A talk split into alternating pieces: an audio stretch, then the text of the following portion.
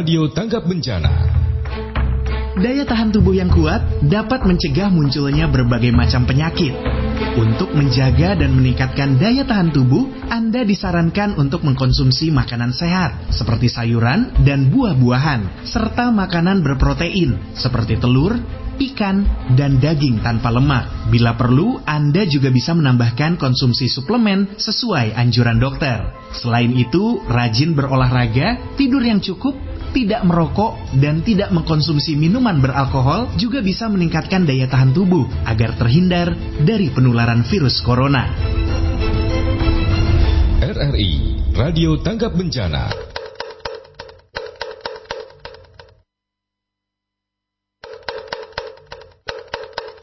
RRI Radio Tanggap Bencana.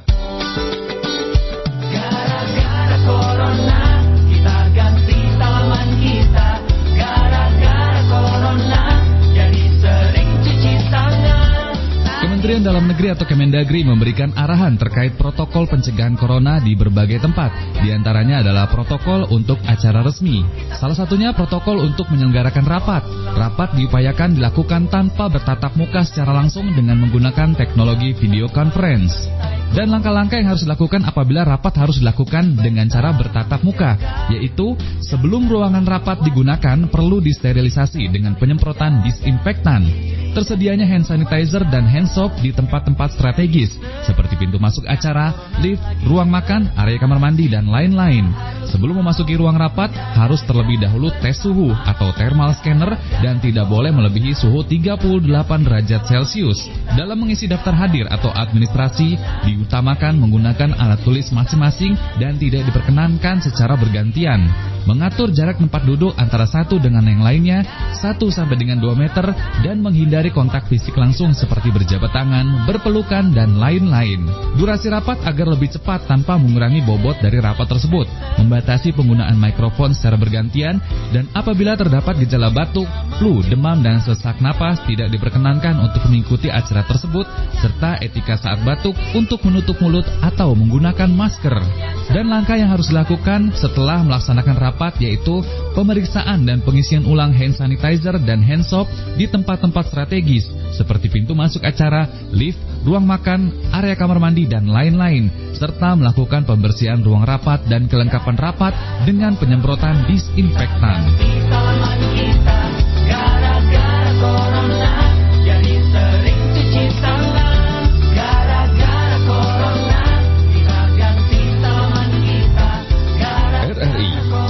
Tanggap Bencana. RRI Radio Tangga Bencana COVID-19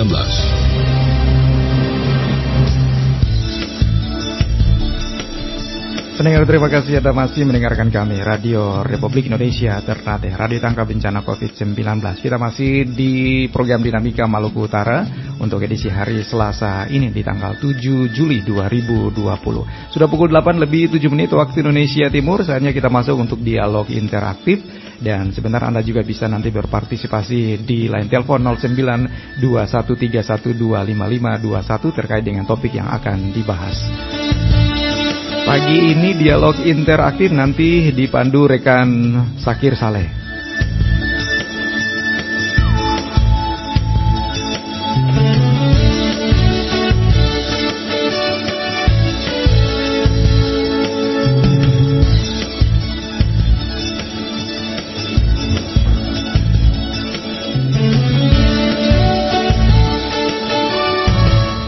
Assalamualaikum warahmatullahi wabarakatuh. Selamat pagi pendengar di mana pun anda berada. Apa kabar anda hari ini? Mudah-mudahan kabar baik, kabar menyenangkan selalu bersama anda. Senang sekali dialog dinamika Maluku Utara Sesi dialog interaktif bersama saya Zaki.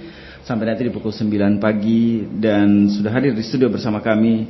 Selamat pagi, saya pengen menyapa. Assalamualaikum buat Pak Direktur RSUD Hasan Besori Ternate Dr. Samsul Bari Assalamualaikum Pak. Waalaikumsalam warahmatullahi wabarakatuh. Baik Assalamualaikum untuk masyarakat Maluku Utara. Baik, pagi ini seperti biasa di hari Selasa pendengar kita memiliki jadwal dengan gugus tugas percepatan penanganan COVID-19 Provinsi Maluku Utara. Dan pagi ini kita akan membahas dengan topik persiapan penanganan RSUD Ternate dalam menghadapi lonjakan kasus COVID-19 di Maluku Utara. Dan untuk itu kita akan berbincang dengan Dr. Samsul Bahri selaku Direktur RSUD Hasan Besori Ternate dan pendengar juga nanti kita undang untuk berinteraksi bareng kita di 0921 3125 Kita ke Pak Dok dulu terkait dengan kesiapan sesuai dengan tema kita pagi ini atau topik kita pagi ini. Kesiapan seperti apa nih saat ini yang dilakukan oleh RSUD untuk menghadapi lonjakan kasus nanti nih? Baik, terima kasih. Assalamualaikum para pendengar sekalian. Waalaikumsalam.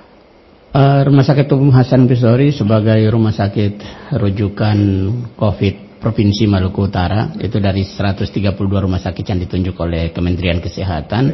Uh, kalau kita lihat di daftar itu Rumah Sakit Hasan Bisori urutan 127. 127 ya. Ya. Uh, dan sebagai rumah sakit rujukan COVID uh, Provinsi Maluku Utara Eh, dari sisi kesiapan sejak awal di bulan Maret mulai kasus ini COVID pertama kali merebak itu kita udah siap.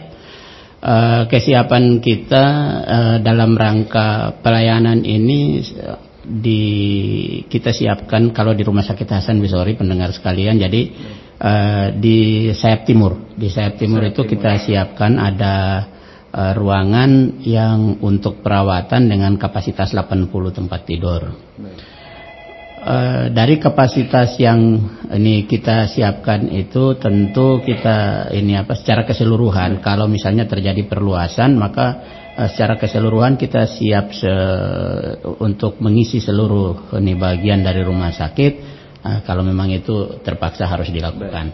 Tentu kita berharap tidak sampai ke tingkat itu. Artinya kita berharap pencegahan penting kita lakukan sehingga nantinya tidak, tidak perlu masyarakat terlalu banyak, banyak. yang sakit. Baik tidak perlu terjadi penjangkitan massal sehingga nantinya kita berharap bahwa Maluku Utara menjadi salah satu bagian dari uh, ini sistem di mana kita berupaya untuk mencegah penyebaran meluasnya uh, COVID-19 ini. Baik. Saya kira itu. Baik, kalau untuk kapasitas sendiri kira-kira bisa menampung berapa pasien nih saat ini yang disiapkan? Uh, kalau Rumah Sakit Hasan Bisori kapasitasnya saat ini uh, dari awal pada waktu kita belum menggunakan uh, gedung empat lantai itu Baik. ya, itu kita 254 tempat tidur. 254. Tapi saat ini kita kapasitas kita sudah jadi 300 tempat tidur. Baik. Nah, itu dari jumlah tempat tidur ya. Uh, kemudian uh, tentu bahwa karena Rumah Sakit Hasan Besori ini adalah rumah sakit rujukan provinsi, kita juga tidak bisa mengabaikan penyakit-penyakit lain Baik. karena kita mesti melayani yang lainnya. Nah, itulah sebabnya kami memisah dua dua posisi ini dengan harapan bahwa uh, memberikan jaminan juga kepada masyarakat yang akan datang mendapatkan pelayanan bahwa kita memang melayani COVID tapi terpisah dengan pasien-pasien yang pasien umum yang kita layani untuk pelayanan yang lain. Baik, untuk kita ketahui kalau jumlah kasus terkonfirmasi positif sampai dengan dua hari kemarin itu di kisaran uh, 953 kasus terkonfirmasi positif dan dua hari terakhir tidak ada pemeriksaan laboratorium. Apa penyebabnya nih Pak Kaduk? Utara tidak ada hasil dua hari terakhir nih. Baik. Jadi eh, sistem ini apa pelayanan untuk penegakan diagnosis ini apa ini COVID-19 itu diagnosisnya harus konform hasil lab hasil laboratorium dengan swab positif. Baru kita nyatakan seseorang mendapat eh, apa terjangkit ini COVID-19. Nah untuk itu e, memang Kementerian Kesehatan sejak awal memandu kita, jadi kita mengikuti pola Kementerian Kesehatan di mana agar supaya jaminan terhadap ini hasil pemeriksaan itu bisa dipertanggungjawabkan maka awalnya Kementerian Kesehatan hanya melakukan pemeriksaan itu di Litbangkes.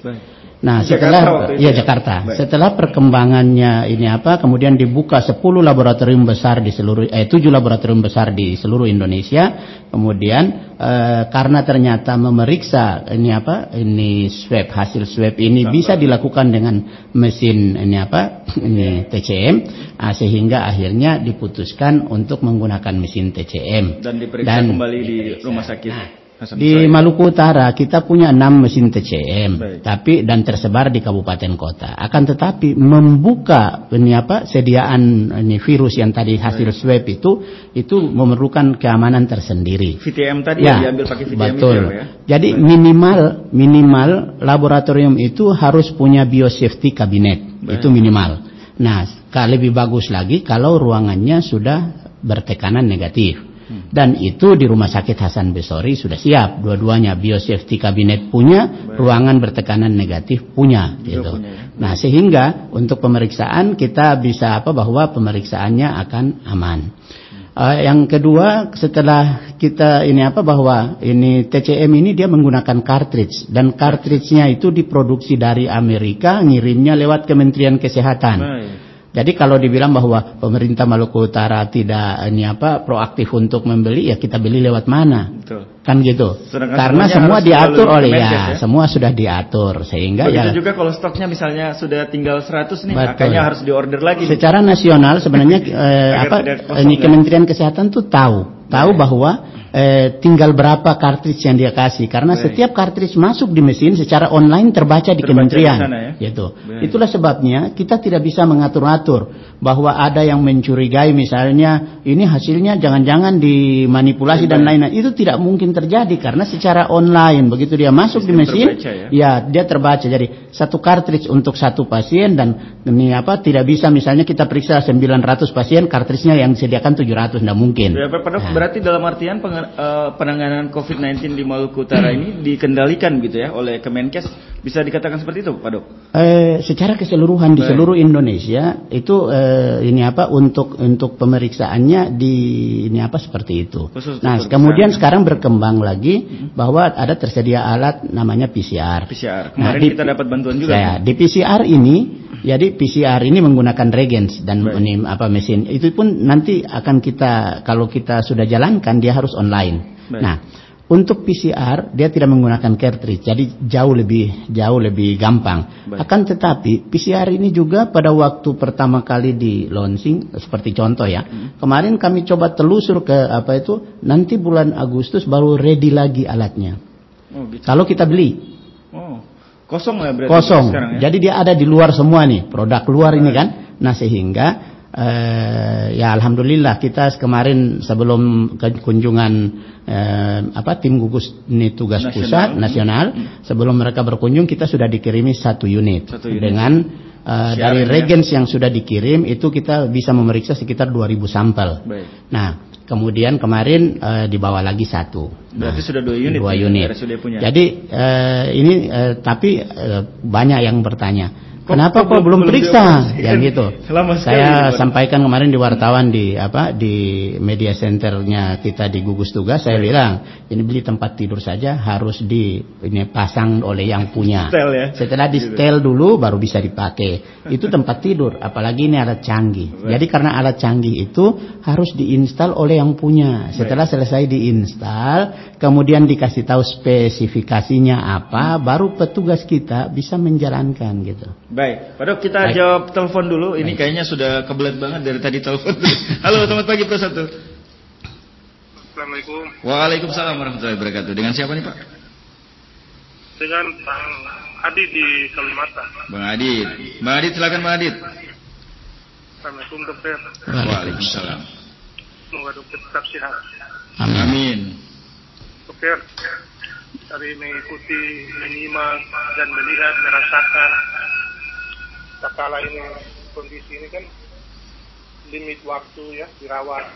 Baik. Saya pikir setelah saya pelajari ternyata antara dinas eh, Kementerian Kesehatan dan bencana alam nasional ini Hmm. ada dua sisi yang berbeda, instansi yang berbeda. Lalu kemudian secara nasional pengadaan barang itu itu diserahkan di bencana alam atau bencana nasional. Makanya itu kemudian terjadilah apa namanya keterlambatan dan sebagainya. Di Kementerian Kesehatan kan kami tahu bahwa tidak ada apa namanya ini pengadaan itu ke kesehatan. Nah dua instansi ini yang perlu didudukan sehingga ini kemudian barang-barang yang dari luar negeri atau dari apa dia cepat datang. Kalau itu diserahkan di kesehatan ya pasti di kesehatan. Nah ini fenomena-fenomena sehingga turun ke bawah di Maluku Utara seperti itu terlambat. Hanya terjadilah huru hara yang ada di ruangan isolasi, di rumah sakit. Nah fenomena ini harus kita putus dulu. Kalau tidak apa pun untuk Mbak cerita, tetap tidak tidak apa mendapatkan solusi yang baik. Akhir kalam bahwa di ternak ini ya seperti yang kita lihat semakin banyak karena ini keterlambatan ini makanya dia menumpuk dan jumlah itu banyak. Baik. Mungkin itu dokter mungkin dari rumah sakit. Dan yang kedua, ruangan yang ada di di rumah sakit itu dia berdekatan dengan akses jalan umum. Hmm. Nah ini juga dengan kemungkinan besar virus ini juga akan dia keluar di jalan itu ternyata kayak orang lewat dan sebagainya. Baik. Karena dia berakses dekat aksesnya di kerumunan banyak. Idealnya menurut saya itu dia tersimpan di satu tempat yang jauh. Tapi itu juga akan susah karena rumah sakit yang kita lihat yang canggih ini ah, tidak akan ada ruangan itu. Baik. Maka ini akan akan apa namanya terpapar bagi petugas di sana kan. Karena Ini terbukti bahwa beberapa petugas laboratorium yang ada itu eh, itu Sudah terpapar gitu ya? corona Pak. Baik. Maka ini juga ruangan ini juga perlu ditata. Tahu itu soal ke dalam. Yang jelas bahwa kita harus kalau tidak beribut terus ini nasional kalau dia mau pengadaan barang ini. Ya, nah itu mungkin itu ya. Baik. Mohon maaf nih. Baik, terima kasih ya, Adit di Kalimantan. Waalaikumsalam warahmatullahi wabarakatuh. Yang pertama Adit menyatakan terkait dengan tumpang tindih kewenangan ada di BNPB atau di Kemenkes sehingga eh, jadi lambat dalam penanganan kalau misalnya ingin memesan barang. Yang kedua soal ruang isolasi kita di RSUD Hasan Besori yang katanya terlalu dekat jalan dan ini mungkin akan menyebarkan virus ke Saya jawab yang kedua dulu karena kedua Siap. ini penting. Ini Silakan. image yang keliru sehingga di masyarakat itu eh, sampai hari ini orang menolak kita mau pakai apa? Mau pakai Wisma Haji orang nolak, Ya, yang mau Haji, pakai apa SKB orang SKB, nolak, BLK yang pakai juga. BLK orang nolak karena orang berilmu berdasarkan sosmed. Baik. Ini kelirunya di situ. Baik. Bahwa kasus ini sampai hari ini dirilis oleh WHO sampai hari ini belum ada perubahan bahwa kasus ini adalah bukan ini penyebarannya lewat udara, Lewat udara, tapi ya. penyebarannya lewat batuk. Baik. Kalau penyebarannya lewat batuk, jaraknya itu 2 meter saja so tidak sampai. Baik.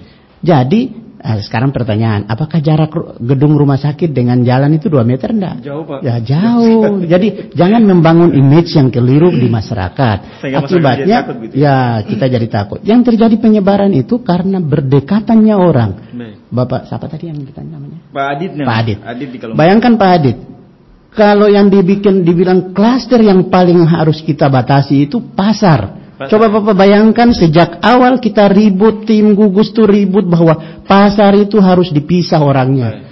Kita lihat di mana-mana orang pasar itu tidak berkerumun. Eh, Tapi di di Jakarta kita, orang ya. bisa buka ini kios ganjil genap, satu-satu kios di ini apa? Jadi antar kios tidak tidak dibuka Ya. Supaya orang tidak berkerumun. Di kita mana yang kita lakukan? Normal-normal Baru saja yang kita awal. salahkan, oh jangan-jangan sarana pelayanannya yang bikin ini apa? Ya wajar kalau petugas dalam melayani itu dia misalnya bisa terjangkit, bisa saja karena dia melayani dalam jarak dekat. Kontaknya. Yang kita layani orang, walaupun kita sudah pakai APD, kan begitu. Jadi itulah kondisi karena begini, yang kita layani, yang kita pakai APD dan yang kita ini itu kan pasien-pasien yang sudah kita positif, yang sudah positif. Sudah positif, ya. Bagaimana kalau pasien yang datang sehat, yang datang dengan penyakit lain? Nah, OTG yang ternyata misalnya. iya, ternyata dia OTG. gitu. Karena ternyata dia OTG, tadinya kita pikir dia ini Sehat- apa? sehat- sehat saja. dia tidak memberikan informasi bahwa dia punya kontak erat, Baik. dia tidak memberikan informasi bahwa dia baru dari daerah merah. Nah, itulah yang pada akhirnya petugas kita juga ikut terjangkit. Baik. Nah, itu di situlah makanya kita sekarang berupaya untuk memutus rantai penularan itu dengan protokol ini COVID. Sederhana saja protokol kesehatan atau protokol COVID itu ada tiga saja: pakai masker, Jaga jarak, jaga sering cuci tangan. Karena masuknya kuman itu cuma Dari lewat mulut, tangan, ya? lewat hidung, lewat mata, dan pengantarnya adalah tangan. Jadi sederhana. Sehingga kalau kita secara keseluruhan bisa mengatur ini, bisa membatasi diri dengan langkah-langkah ini, maka ini apa? Kita akan bisa Terhindar mencapai gitu ya? hasil ya. Dan eh, banyak orang yang sehat memang terjangkit ini dan sehat karena kondisinya Bisa baik begitu ya. kondisinya baik dan dia inilah yang menjadi karir menyebarkan ke orang makanya kalau sayang orang tua di rumah kalau sayang anak cucu di rumah maka berusahalah jalan. untuk ya itu berusahalah untuk menghindari kerumunan jangan bikin kegiatan yang mengundang orang banyak karena itu sangat berisiko itu kalau dari ini Nah, Yang kedua tadi, Yang kedua saya mau jawab bahwa jadi agak kekel- agak keliru juga memandang. Baik. Kenapa ada BNPB? Kenapa ada kesehatan? Karena ini adalah bencana non eh, alam. Karena bencana non alam yang terjadi itu karena wabah sehingga Kementerian Kesehatan ada di situ. Nah, karena itu wabah. Terus untuk apa ada BNPB, di BNPB situ? lagi gitu. BNPB adalah pengelola bencana secara umum dan kita tahu bahwa orang terkena virus ini dampaknya bukan hanya di virusnya saja, bukan hanya sakit, tapi ekonominya hancur, bagaimana jaring pengamannya. Ini jauh lebih berbahaya dari lebih dari rumah rusak. Rumah rusak, orangnya sehat masih bisa kerja. Kalau dia orangnya yang sakit, siapa yang kerja? Kalau dia kerja, dia menularkan ke orang, siapa lagi? Itulah sebabnya di situ peran BNPB sebagai ini apa koordinator gugus tugas karena ini kita cerita bencana. Nah, cuma jenis bencananya adalah bencana non fisik yang mana orang anggap biasa-biasa saja tapi ini jauh lebih kok kalau tanah goyang rumah rusak dengan lain ah itu kecil itu ya, karena kenapa sasarannya terlihat ini tidak ada orang yang jalan di jalan tulis di, di testas ini covid sehingga kita oh yang itu covid kita lihat kita menghindar kan Baik. tidak bisa itu begitu makanya Baik, Bung Adit semoga bisa terjawab dan kita ke penelpon selanjutnya. Halo, selamat pagi Pro 1. Selamat pagi. Pagi. Waalaikumsalam. Dengan Pak siapa nih? Dengan Pak Topan. Pak Topan. Silakan Pak Topan. Ya. Ya pertama eh, Pak Dokter, eh, kami masyarakat ingin tahu apakah eh, Pak Dokter sebagai kepala rumah sakit Hasan Busori, apakah itu seluruh pasien yang dirawat di kota Ternate baik di rumah sakit maupun di, di luar ya, di hotel-hotel itu, itu di bawah kontrol Pak Dokter semua tanggung jawab atau di bawah gugus tugas langsung, Baik. yang di luar maksudnya. Baik.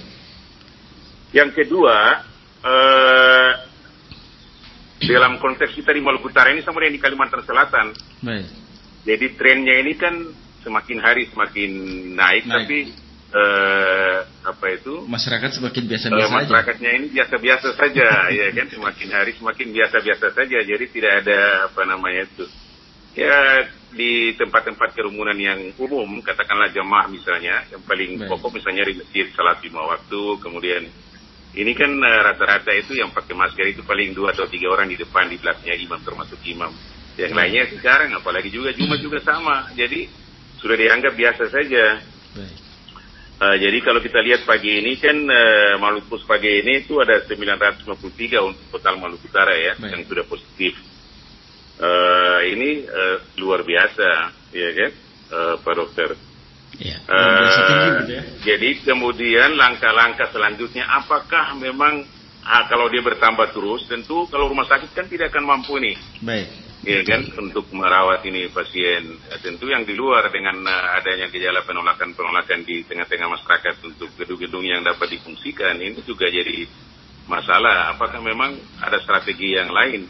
Baik. Jadi kalau misalnya yang tidak, maksud saya begini Pak Dokter, apakah memang sebaiknya rumah sakit rujukan itu memang menerima rumah sakit, menerima yang memang positif, yang memang darurat, Hmm. orang tua-tua yang tidak bisa ini lagi. Kalau yang lain itu mungkin yang bisa eh, karena daya tubuhnya bagus, kuat, apalagi yang eh, OTG, apalagi sudah positif, tapi dia biasa-biasa saja. Hmm. Ah, kemudian yang ketiga itu bagaimana itu pasien-pasien yang sudah positif sudah dikurung sudah sekian lama, tapi hasilnya itu juga lama sekali. Ini bagaimana kita pemecahan problem ini juga jadi masalah juga di Maluku Utara. Hmm. Orang bisa stres ya kan, misalnya di Halsel itu. Ya. Sampai ada orang yang sudah dari sejak kematian pertama, Baik. pasien 01 dan 02 yang di Halsel, khususnya di Halsel itu, Ya. Hmm. itu sampai sekarang sudah dikurung sebelum Ramadan. Baik. Iya kan? Betul. sebelum Ramadan itu masih dikurung di dalam. Bagaimana ceritanya itu kan? Orang biasa-biasa aja di dalam itu. Apalagi dikurung karena dia keluarga. Hmm. Satu kamar itu, eh, dua kamar itu dia, dia, dia lebih daripada dua orang. Baik. Ah ini kan nanti sama dia bola pingpong aja. Itu akan kapan bisa selesainya? Itu orang sudah stres di dalam udah ribut itu di di mana itu di yang di pasar baru yang di Halsel itu. Baik.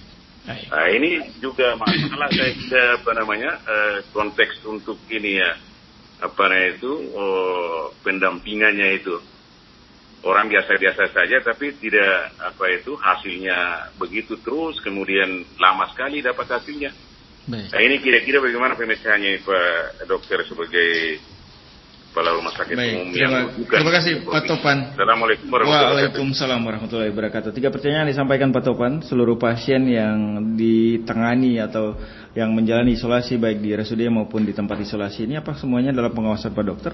Itu pertanyaan pertama. Mungkin jawab dulu gitu ya. Iya baik. Jadi eh, saya juga berada di bawah gugus tugas sebenarnya. Kenapa dibentuk gugus tugas? Untuk memperpendek seluruh sistem. Baik. Baik dari sistem keuangan, pelayanan, semua diperpendek. Sehingga tidak perlu terlalu panjang, sehingga pasien nanti justru yang terlayani lambat. Nah, oleh karena itu kita dalam satu gugus. Nah, rumah sakit merupakan bagian dari gugus itu, dia bekerja di bagian penanganan. Nah, kita di bagian penanganan itu eh, terdiri atas dinas kesehatan dan ini apa eh, rumah sakit dan rumah sakit melayani teknis pelayanannya, teknis berkaitan dengan pasien. Idealnya pasien yang masuk rumah sakit Hasan Besori itu dengan pemberatan pernapasan. Nah, jadi ada kegawat daruratan. Apakah kegawat daruratan pemberatan pernapasan akibat COVID atau kegawat daruratan lain kemudian kita dapat dapat dia ya Baik. dia ada COVID. Itu masuklah dia di rumah sakit Hasan Bisori. Di luar dari itu bagaimana? Karena kasus COVID ini ada yang ada yang biasa-biasa saja. Nah, untuk itulah ditangani oleh gugus. Nah, di gugus itu nanti di bawah ada, ada dinas kesehatan dengan karantina akan melakukan karantina. Ada dua kelompok, ada karantina mandiri dan ada karantina yang dikelola oleh pemerintah. Di kita kita masih memilih karantina yang dikelola oleh pemerintah. Kenapa begitu? Karena memang sangat tidak efektif kalau kita lakukan karantina mandiri. Tahulah masyarakat kita mau dikasih tahu kan eh, ini seolah-olah penyakit ini tidak ada gitu. Jadi saya bilang kalau penyakit ini tidak ada eh, korbannya sampai pejabat. Kira-kira kalau kita mau apa kan, masa kita mau mengorbankan pejabat, Pejabat. kalau penyakit ini tidak ada. Jadi penyakit ini ada. Hal simpel Ya. saja yang bisa dibandingkan. ya. Simpel aja. Setelah Lebaran coba Bapak lihat di seluruh ini apa eh, di kota Ternate saja. Setelah Lebaran kalau kita lihat angka kematian di RT RT dan apa, kelihatannya mati di sana sini ya. Itu jadi pertanyaan besar bahwa, bahwa apakah ini sesuatu yang biasa? Biasanya juga tidak. Ada adik kakak yang meninggal dalam waktu satu minggu, apa mati biasa? Kan begitu. Nah, itu kira-kira ininya. Jadi tugas rumah sakit memberikan pelayanan. Saya setuju Pak, memang rumah sakit memberikan pelayanan yang berkaitan dengan pemberatan pernapasan. Karena rumah sakit rujukan. Di luar dari itu dikelola seperti, seperti itu. Yang pertanyaan kedua yang Pertanyaan kedua tadi mungkin sudah terjawab, trennya naik tapi masyarakat biasa-biasa Ya. saja itu tadi. Kemudian eh, kelamaan menganggap bahwa ini kan lama karena di proses ya di karantina memang lama ter- terpaksa harus lama. Seseorang setelah dia kami kalau menghitung rata-rata pasien kita di Maluku Utara itu rata-rata 30 hari. 30 Ada yang hari, ya. sampai lebih, tapi rata-ratanya 30 hari baru dua kali pemeriksaan terakhir negatif. Bahkan ada yang dua bulan ke mana itu Pak ya? Betul. Yang klaster dari Betul. Yang Tamboro. Tamboro, Tamboro, Tamboro Ya. ya. Tamboro juga lama tuh ya. Ada yang dua bulan, ada yang sampai malah hampir tiga bulan baru Baik. sembuh. Jadi itu kira-kira kira-kira kita cerita eh, kenapa dia lama sembuh. Eh, dia tidak sang- sebenarnya memang pemeriksaan laboratorium menjadi ini kendala juga karena kita ambil tidak bisa langsung apa. Tapi kalau kita ambil kita kirim hasilnya ternyata masih kan kita punya jadwal tuh. Ya, positif. hari ke-14 kita periksa kalau masih positif tambah tujuh hari lagi kita periksa. Kalau masih positif kita tambah tujuh hari lagi. Jadi setiap kita pengambilan tujuh ini 14 tambah 14 tujuh hari kita tadi. ambil 21 21 kita kirim hasilnya kembali kalau dia sudah negatif ya dia pulang Baik. memang kalau dia cepat kalau alat kita ada 21 kita ambil hari ke-22 kita periksa hari ke-23 kalau negatif hari 22 kita periksa hari ke-23 kita ambil lagi negatif kan dia sudah bisa pulang Baik. Nah, memang yang saat ini terkendala itu adalah pada waktu pemeriksaan ini kalau kita kehabisan cartridge seperti yang barusan Yang kita ini nih. karena eh, kita sudah 900 kasus sekitar 900 kasus yang kita periksa di Ternate karena kar- cartridge kita ini apa seperti ini yang ada di kita. Tapi tidak apa bahwa sekarang ini yang kita kirim ke Makassar dia dua hari tiga hari sudah bisa terbaca. Akan tetapi memang kalau ada di kita kita lebih bisa mengendalikan pemeriksaan. Makanya sekarang kita upaya saat ini kita punya dua mesin TCM dan nanti kalau PCR ini juga jalan, sehari kita bisa Bisa periksa berapa sekitar, ya, sekitar sekitar 200 sampai 250 Makanya jangan sampel. kaget kalau misalnya ada 200 lonjakan kasus Betul. Nah, kasusnya seperti kemarin. Tiba-tiba ada 95 kasus Orang yang apa? kaget-kaget Ya orang kaget karena beberapa hari yang diambil baru ada ininya Baik. sehingga kita periksa dan kita periksa itu hari itu ada 95 karena ada keluar hasil yang dari Manado, ada Makanya keluar hasil yang dari. Makassar, kemudian Tambah ada yang kita running di sini 50. Jadi terjumlah kemarin jadi 95. Baik. Gitu. Baik, Pak Dokter kita jawab telepon lagi rame kayaknya pagi ini. Halo, selamat pagi. Pro 1. Halo, halo, assalamualaikum. Waalaikumsalam warahmatullahi wabarakatuh. Dengan siapa nih? Dari Ivan di, Ivan. Malifut. Ivan di Malifut. Silakan Ivan. Iya, Pak Dok. Ini mau ditanya nih, apakah dalam, dalam kasus corona ini masyarakat memang sudah semakin hari sudah semakin tak percaya dengan corona. Baik. Mungkin karena uh, beberapa hari terakhir kemarin, Pak Dok, uh, kasus positif COVID-19 yang ada di perusahaan NHM yang ada di Torang di sini. Iya. Kemarin dari gugus tugas dua hari kemarin sampai dengan eh, kemarin ini memang belum ada pengumuman bahwa eh, seorang atau seorang pelingkungan ini orang yang ada di dalam NHM so sembuh. Hmm. Tapi NHM kasih keluar statement atau pernyataan resmi kalau dorang pegawai atau Semua su- sembuh begitu ya. 192 orang so sembuh. Ini artinya bahwa gugus tugas Provinsi Maluku Utara Tara dapat percaya dengan perusahaan yang berdiri di torang ke wilayah.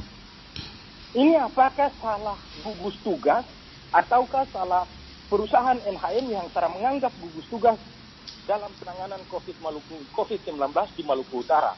Kenapa harus dorang lakukan atau ambil spesimen bahwa di rumah sakit Celoam tanpa Manado ya? ada koordinasi dengan gugus tugas Provinsi Maluku Utara. Bahkan dorang juga cara laporan bah dalam penambahan 60 kasus baru yang kemarin-kemarin sebelum eh, ini, dorang juga cara laporan di gugus tugas Maluku Utara. Dorang langsung laporan di Pusdatin Pusat. Ini artinya bahwa orang di Maluku Utara dianggap enteng. Dong bikin negara di atas negara, Pak Dok. Ini mungkin masukan untuk Pak Dok supaya bisa sampaikan di gugus tugas eh, Provinsi Maluku Utara bahkan di tingkat pusat. Dan kedua, Pak Dok, bagaimana ini masyarakat semakin semakin takut, semakin tak percaya, semakin pokoknya semua pikiran masyarakat so coba pikir bahwa ini memang kemarin eh, sempat baca atau dengar di RRI juga bahwa Pak Menko sampaikan bahwa informasi yang beredar eh, terkait dengan COVID yang bilang ini ini ini itu, itu tidak jelas. Hmm.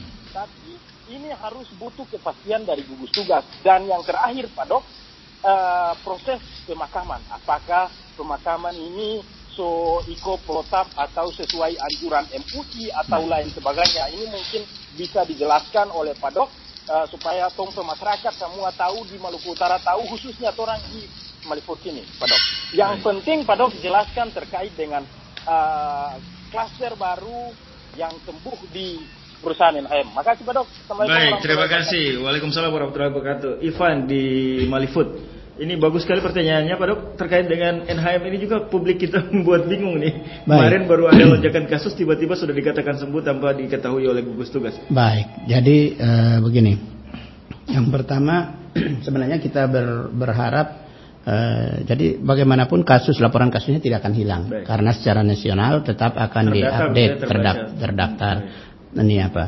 Nah, eh, sudah seharusnya dan sudah selayaknya semua perusahaan-perusahaan yang punya apa itu eh, bertanggung jawab untuk ini ini pegawai atau petugasnya. Termasuk mempercepat diagnosis gitu Pak. ya? Betul. Baik. Jadi kan begini, bahwa ini apa? Bahwa di seluruh Indonesia ada sentra-sentra pemeriksaan yang tersedia.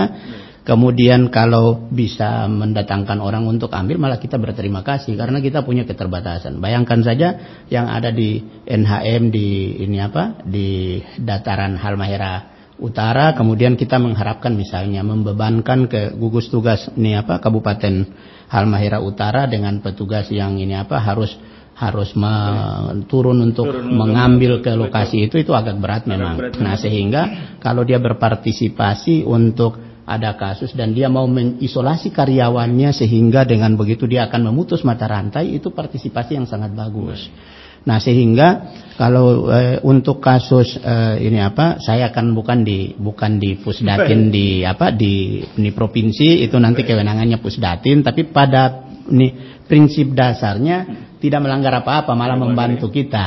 Jadi kenapa kita memerlukan kecepatan untuk eh, apa namanya eh, penanganan dan partisipasi dari masyarakat. Makanya selalu, selalu kita apa bahwa masyarakat harusnya berpartisipasi bukan menolak. Karena kalau pasien ini dilepas atau orang sakit, orang terjangkit COVID ini dilepas ke masyarakat dan dia bersalam-salaman, cipakat-cipiki sana sini, maka Maka apa yang terjadi? ya?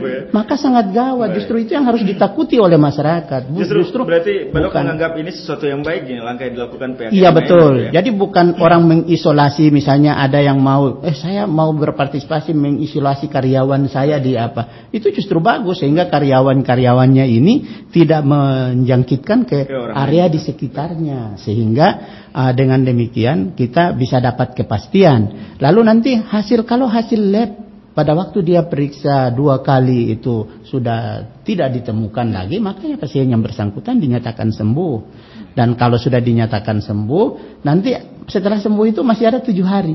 Biasanya tujuh hari masih dalam masa ini pemantauan. Kalau tidak ada lagi gejala-gejala, baru dia akan ini apa? Akan dilepas ke atau akan kembali beraktivitas seperti biasa. Nah, sehingga eh, apa namanya? Ini dalam dalam rangka menegakkan diagnosis ini kalau di kita juga begitu. Kalau kartridge kita habis kita kirim ke Makassar kita kirim ke Manado kita kirim ke ini Jakarta kan itu jadi kalau ini ada langkah mereka mendatangkan tim untuk ngambil lalu bawa langsung ke Jakarta untuk diperiksa diperiksa pasti akan terpantau karena tidak Terbaca mungkin tidak ya? terbaca Baik. secara nasional Begitu juga kalau sembuh ya, kita. begitu juga kalau sembuh Publikasi begitu ya. Betul. Baik. Kalau sembuh. Jadi sembuh itu bukan bukan sekedar orang bilang bahwa saya anggota sudah sembuh tidak bisa harus dibuktikan Buktikan. secara laboratoris. Banyak masyarakat bahwa kita yang, paduh saya potong. Ya. Banyak masyarakat kita yang mengatakan begini, eh, sudah dikonfirmasi, sudah ditetapkan sebagai positif, gitu, konfirmasi terkonfirmasi positif, tapi tidak bisa dibuktikan dengan hasil uji lab dan sebagainya. Apakah perlu begitu men- menunjukkan ini hasil anda positif, ini suratnya seperti ini? Apa perlu seperti Ya, itu? Pak? jadi- Ini masyarakat kita ya, Pak? Ya betul. Jadi se- sebenarnya setiap sampel yang keluar itu hasil keluarnya ada, Ada ya? dokumennya ada. Dokumen menyatakan dia positif itu ada karena hasil pemeriksaan itu dengan nomor sampel, nomor kartridnya, iya. nomor sekian yang dipakai, bahannya dia itu ini apa? Itu Itu ada. ada. Iya, Pak. Jadi itu ada. Baik. Nah, Kalau tadi ditanyakan oleh Pak Irfan di Malifut juga soal terkait dengan pasien yang meninggal nih, yang Oh iya pemulasaran. Pemulasaran. Betul. Ini jadi permasalahan karena kita terlalu asik nonton YouTube yang di, yang dipulas di Cina, yang Baik. dipulas di Amerika. Yang ekstrim-ekstrim gitu lah. Ya, sehingga seolah-olah bahwa ini ada orang mat, meninggal, kita masukkan di kantong mayat, kita lipa-lipa begitu, kemudian kita masukkan di peti kong kasih kubur tanpa melalui prosedur keyakinan. Tidak begitu Pak Irfan. Jadi di kita di rumah sakit kita tetap kalau dia itu berkeyakinan apa? Oh ternyata dia orang Islam yang meninggal ini, maka kita lakukan ini apa sistem juga penita- ya. tata caranya Tata sesuai dengan tata cara Islam. Termasuk sampai di peti itu kita miringkan. Baik. Jadi di dalam Oh, dalam peti posisi dalam- saya sudah dibikin sekatnya, Ke kemudian ya, dimasukkan dalam posisi dimiringkan sehingga sudah dikode. Nanti petugas yang bawa jenazah nanti dia sudah tahu arahnya untuk di mana kepala, di mana kaki, kemudian dia tinggal meletakkan. Jadi eh, prosedur ini eh, dijalankan dan itu eh, kalau keluarganya menggunakan APD boleh mengamati dari jarak jauh karena kita kan berkeinginan orang sudah meninggal dan eh, kita bisa melihat lah. ya sampai saya pakai apa bahwa kita tetap menyelenggarakan dengan cara seksama artinya sesuai dengan keyakinan dan ininya ma- masing-masing sehingga tim itu tersedia Baik. ya begitu Baik, kira-kira kita ke penelpon lagi. Halo, selamat pagi Pro Satu. Ya, selamat pagi. Pagi. Dengan siapa nih Bu? Dengan Ibu Ita di Kalimantan. Ibu Ica. Ibu Ica ya? Ya, Baik, silakan Ibu Ica.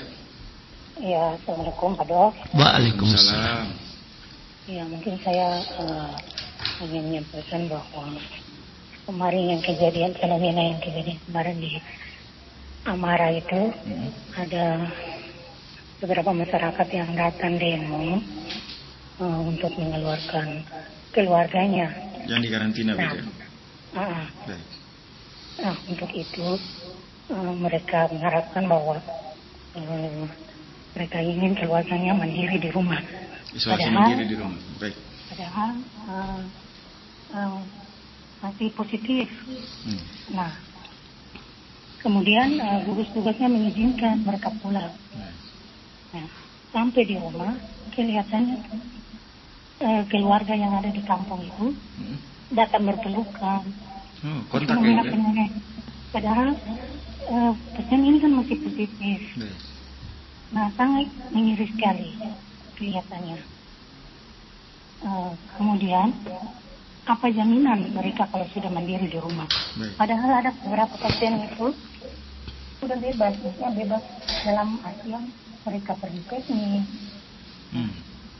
Oleh karena itu, saya mengharapkan bahwa eh, gugus tugas di provinsi bisa eh, mengawasi karena kita masyarakat ini kan takut.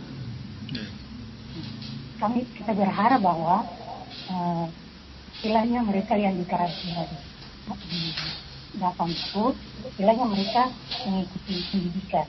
Nah, dengan pendidikan itu mereka pulang membawa ijazah.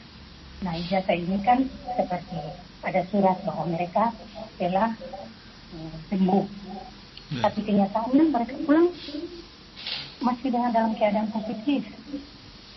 Nah, kira-kira bagaimana kepada solusinya itu? Karena keadaan sekarang ini kan gugus tugas eh, kelurahan sudah sudah tidak ambil pusing lagi dengan keadaan ini. Baik. Oleh karena itu, kami masyarakat mengimbau mengharapkan eh, mungkin ada eh, solusi yang terbaik dari Baik. eh, COVID. Terima kasih. Baik, terima kasih Ibu Ica. Ini yang ditanyakan Ibu Ica juga memang fenomena yang sering terjadi Pak Dok. Selain penjemputan jenazah secara paksa, ini pasien yang positif tapi diinginkan oleh keluarga untuk diisolasi mandiri di rumah. Bagaimana Ya, nih Bu Dok? betul. Jadi begini, eh, sebenarnya isolasi eh, pasien COVID positif itu eh, pilihan ininya boleh isolasi mandiri di rumah bisa, isolasi yang dikelola. Nah sekarang eh, kalau isolasi sekarang ini kalau orang isolasi mandiri itu modelnya harus seperti apa? Baik. Misalnya contoh, kalau rumahnya punya kamar mandi cuma satu, Pasti akan berganti-ganti. berarti kan ganti-ganti Baik. pakai. Bagaimana caranya isolasi? Makanya saya bilang, sayang kalau dia Harus dilihat sayang dulu, Pak keluarga, ya toh. Kalau tidak sayang keluarga, ya susah karena yang Anda lakukan atau yang kita lakukan itu karena kita menyayangi keluarga Anda. Nah, inilah perlu butuh ada kesadaran. Dan memang kita di gugu- di gugus tugas itu bahwa pasien boleh keluar kalau dia sudah Dinyatakan dinyatakan Sembuh, sembuh, gitu dan dinyatakan sembuh itu dengan apa? Ada catatannya. Baik. Nah, ada catatannya. Nanti dia akan bawa kalau dia tinggal di kota Ternate, catatan itu dia Surat akan bawa ke surat ya? ya surat sudah sembuh dari COVID dia akan bawa dan dia akan melapor ke RT RT-nya.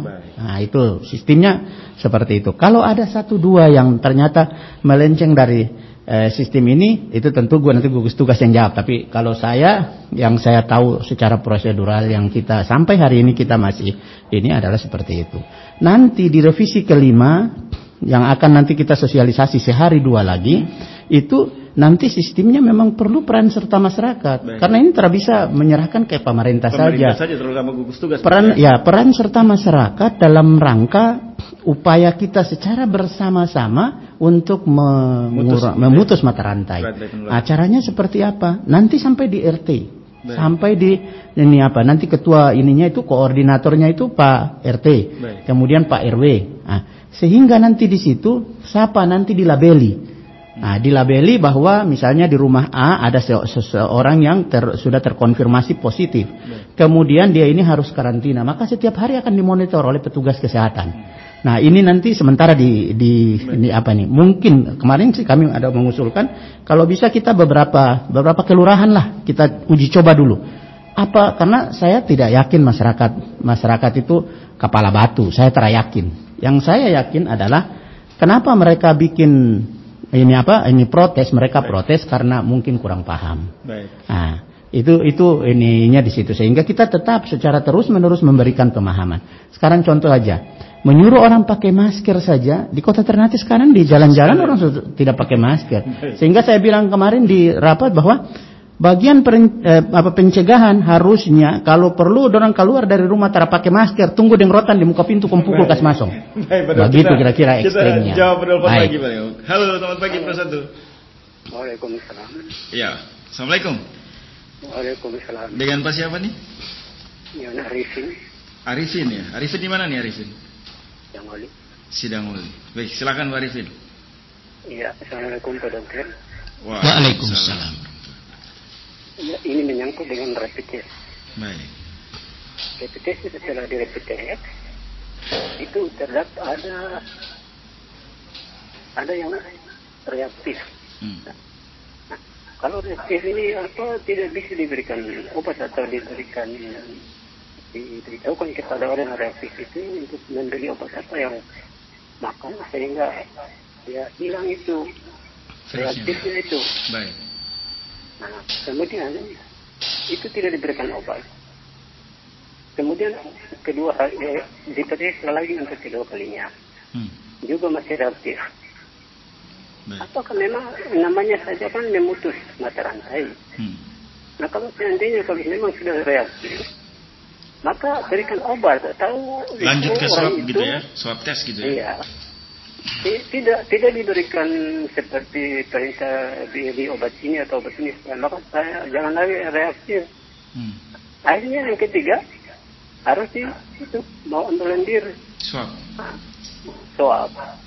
Sedangkan yang kita lihat kalau ambil lendir itu atau swab itu, paling kan orang yang sakit eh, paru. Hmm. Tapi ternyata ini seperti eh, asam lambung saja itu harus disuap. Berarti ini tidak memutus mata rantai, tapi menambah mata rantai. Baik. Karena periksa pertama reaktif, kedua reaktif, tidak diberikan obat. Nah, ini jadi pusing orang. Terima kasih. Assalamualaikum. Waalaikumsalam warahmatullahi wabarakatuh. Ini sebenarnya Baik. dibi- bingung juga nih di masyarakat Saya kita, sebenarnya tara usah bingung, Baik. cuma karena kalau mencoba menjawab sendiri jadi bingung. Bagus, terima kasih Pak. Bapak tanya jadi.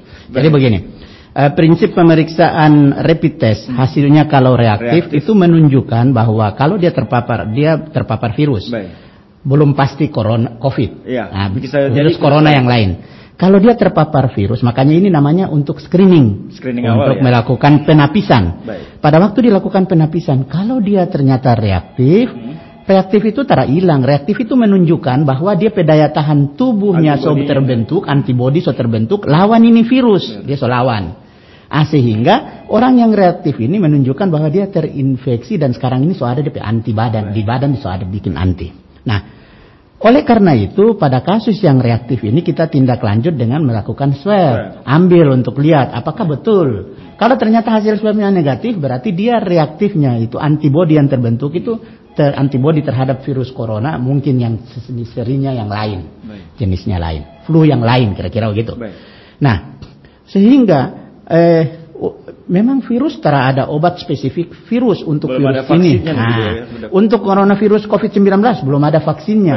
Sampai hari ini misalnya contoh demam berdarah sudah sekian puluh tahun nih belum ada vaksinnya. Pak, kita disuruh, makan ikan sama es kelapa Saya. muda gitu ya. Jadi prinsipnya untuk kasus-kasus virus itu terbentuk antibodi, Baik. terbentuk imun itu jauh lebih bagus dan itulah sebabnya banyak orang yang sehat periksa dia reaktif dan kalau kita periksa dia positif artinya virusnya so ada di dalam tubuh tapi dia dilemahkan oleh kekuatan tubuhnya. Sehingga obatnya apa? Ya kembali jaga imun bikin kondisi jadi bagus. Nah, yang kita takutkan apa? Di dalam keluarga kita ada kelompok yang rentan.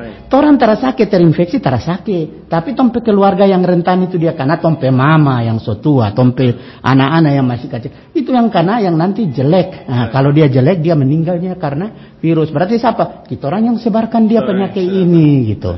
Nah, itulah kenapa kita bikin pentahapan untuk memastikan supaya kita ini apa? Cara cara isolasinya seperti apa? Ya itu tadi, jaga jarak, pakai masker, jadi kalau babatuk jangan sabaran dia keluar, tapi babatuk dia masuk di tetap tahan di masker. Saya kira itu. Yang Baik. terakhir Pak Dok, kita eh, tahu bahwa di Ternate ini sudah banyak sekali pasien kita yang khusus untuk pasien COVID di Kota Ternate yang menjalani isolasi mandiri.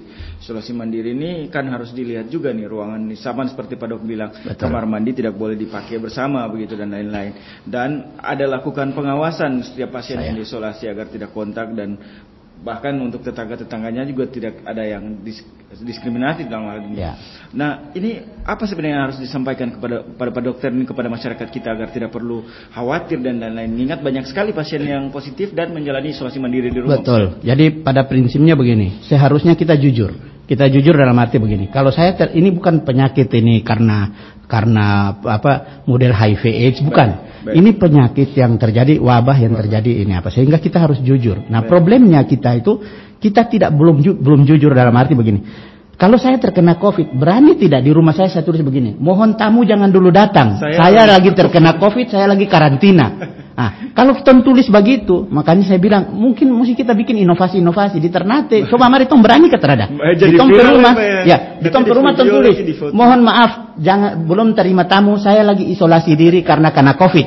Maka dengan sendirinya orang terdatang, tong memutus mata rantai karena tong sayang tong pe tetangga, tong sayang tong pe keluarga. Itu DP intinya. Nah, sehingga eh, mari tong ukur di rumah misalnya. Jangan anggap enteng karena ah, kita orang terasa sakit. Oh, saya sudah terasa sakit, sehat bagus ini. Tapi kita membawa penyakitnya. Ini tugas orang yang sehat ya, orang rumah yang sehat untuk mengawasi dan mengontrol. dan Ya, menjaga jadi begitu itulah ya, saya bilang. Baik. Ke depan kita harus menyadarkan masyarakat untuk berpartisipasi bahwa kita tidak bisa lari dari pengembangan apa pen- penjangkitan ini. Tapi cara yang paling bagus adalah bagaimana kita berusaha agar supaya eh, apa di dalam keluarga kita kita memutus mata rantai. Nah, setelah terputus mata rantai kita berharap setelah ini dia apa dan dan dengan sendirinya terputus lalu hilang dengan sendirinya. Nah, dengan demikian ya begitu kalau nanti so tidak ada kasus, kasus sudah melandai atau malah sudah hilang, berarti kan kita nanti akan beraktivitas kembali dalam posisi yang dibilang itu. Orang mau bilang new normal kah, mau bilang apa? Yang pada pada prinsipnya adalah kita kalau batuk harus ada etika batuk. Paling bagus lagi kalau berjalan so pakai masker. Kemudian aktivitas kita kita sudah jaga jarak, kita sudah batasi. Kemudian yang lain-lain kembali normal berusaha seperti biasa. Saya kira itu yang kita harapkan supaya pemulihan cepat Baik, terjadi. terima kasih Pak Dr. Baik, Samsul Bari, terima kasih. Direktur RSUD Hasan Besori Ternate yang sudah meluangkan waktu untuk berbagi bersama kita di Dinamika Maluku Utara pagi ini edisi hari Selasa tanggal 7 Juli 2020. Semoga apa yang kita perbincangkan pagi ini bermanfaat dan tetap jaga Amin. kesehatan, selalu gunakan masker, menjaga jarak dan rajin mencuci tangan. Selamat pagi, selamat beraktivitas. Wassalamualaikum warahmatullahi wabarakatuh. Waalaikumsalam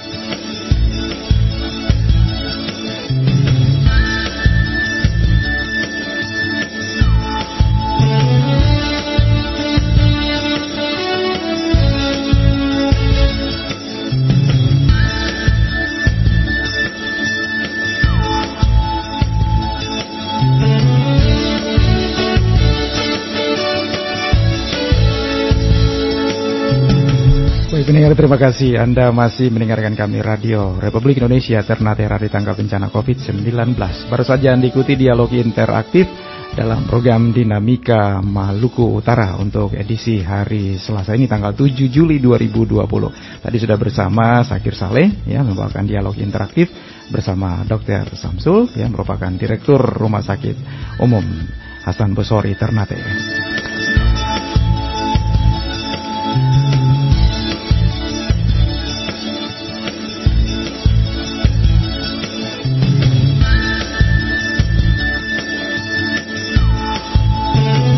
Dengar dan menjelang pukul 9.00 waktu Indonesia Timur sebentar nanti kita ikuti Warta Sentral Pro 3 RRI Untuk selanjutnya kami pamit di program Dinamika Maluku Utara. Untuk hari ini kami yang bertugas tim lintas Ternate pagi Saya Roni Sapan Teknik Studio Bung Sam, oh maksudnya Bung Aldo ya, dan rekan-rekan yang sudah bertugas untuk Dinamika Maluku Utara pagi ini mengucapkan terima kasih. Kita bertemu kembali nanti untuk program Dinamika Maluku Utara pagi berikutnya ya di besok hari dengan dialog-dialog interaktif yang lainnya. Baik, terima kasih untuk kebersamaannya dan selamat pagi selamat menjatuhkan tugas-tugas Anda untuk hari ini. Semoga apa yang Anda kerjakan hari ini semuanya lancar selalu. Jaga kesehatan, ingat dan selalu kita patuhi yang namanya protokol kesehatan, jaga jarak, pakai masker dan selalu mencuci tangan. Kita bertemu kembali nanti dalam kesempatan. Selamat pagi, Assalamualaikum warahmatullahi wabarakatuh.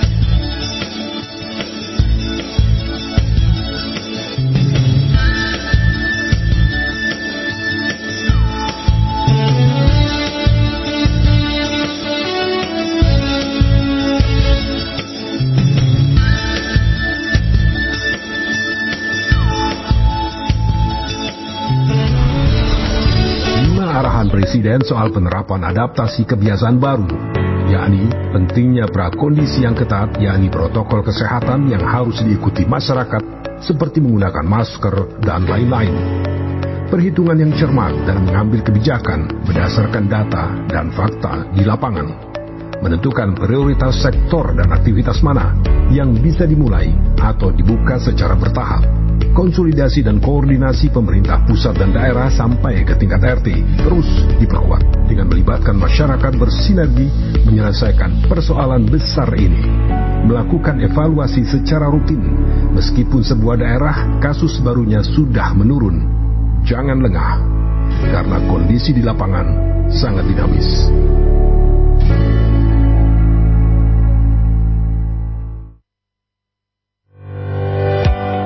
Jaga diri dan keluarga Anda dari virus corona atau COVID-19 dengan cara makan makanan bergizi seimbang, jaga kebersihan lingkungan, rajin olahraga dan istirahat cukup, tidak merokok, cuci tangan pakai sabun dan air mengalir, gunakan masker bila batuk atau tutup mulut dengan lengan atas bagian dalam. Minum air putih 8 gelas per hari, makan makanan yang dimasak dengan sempurna. Bila demam dan sesak nafas, segera ke fasilitas kesehatan. Dan jangan lupa berdoa. Untuk informasi hubungi hotline virus corona 021 521 0411 dan 0812 12 12 3119. RRI Radio Tangga Bencana COVID-19 Pendengar selanjutnya kita ikuti Warta Sentral Pro 3 RRI. Waktu Indonesia Barat.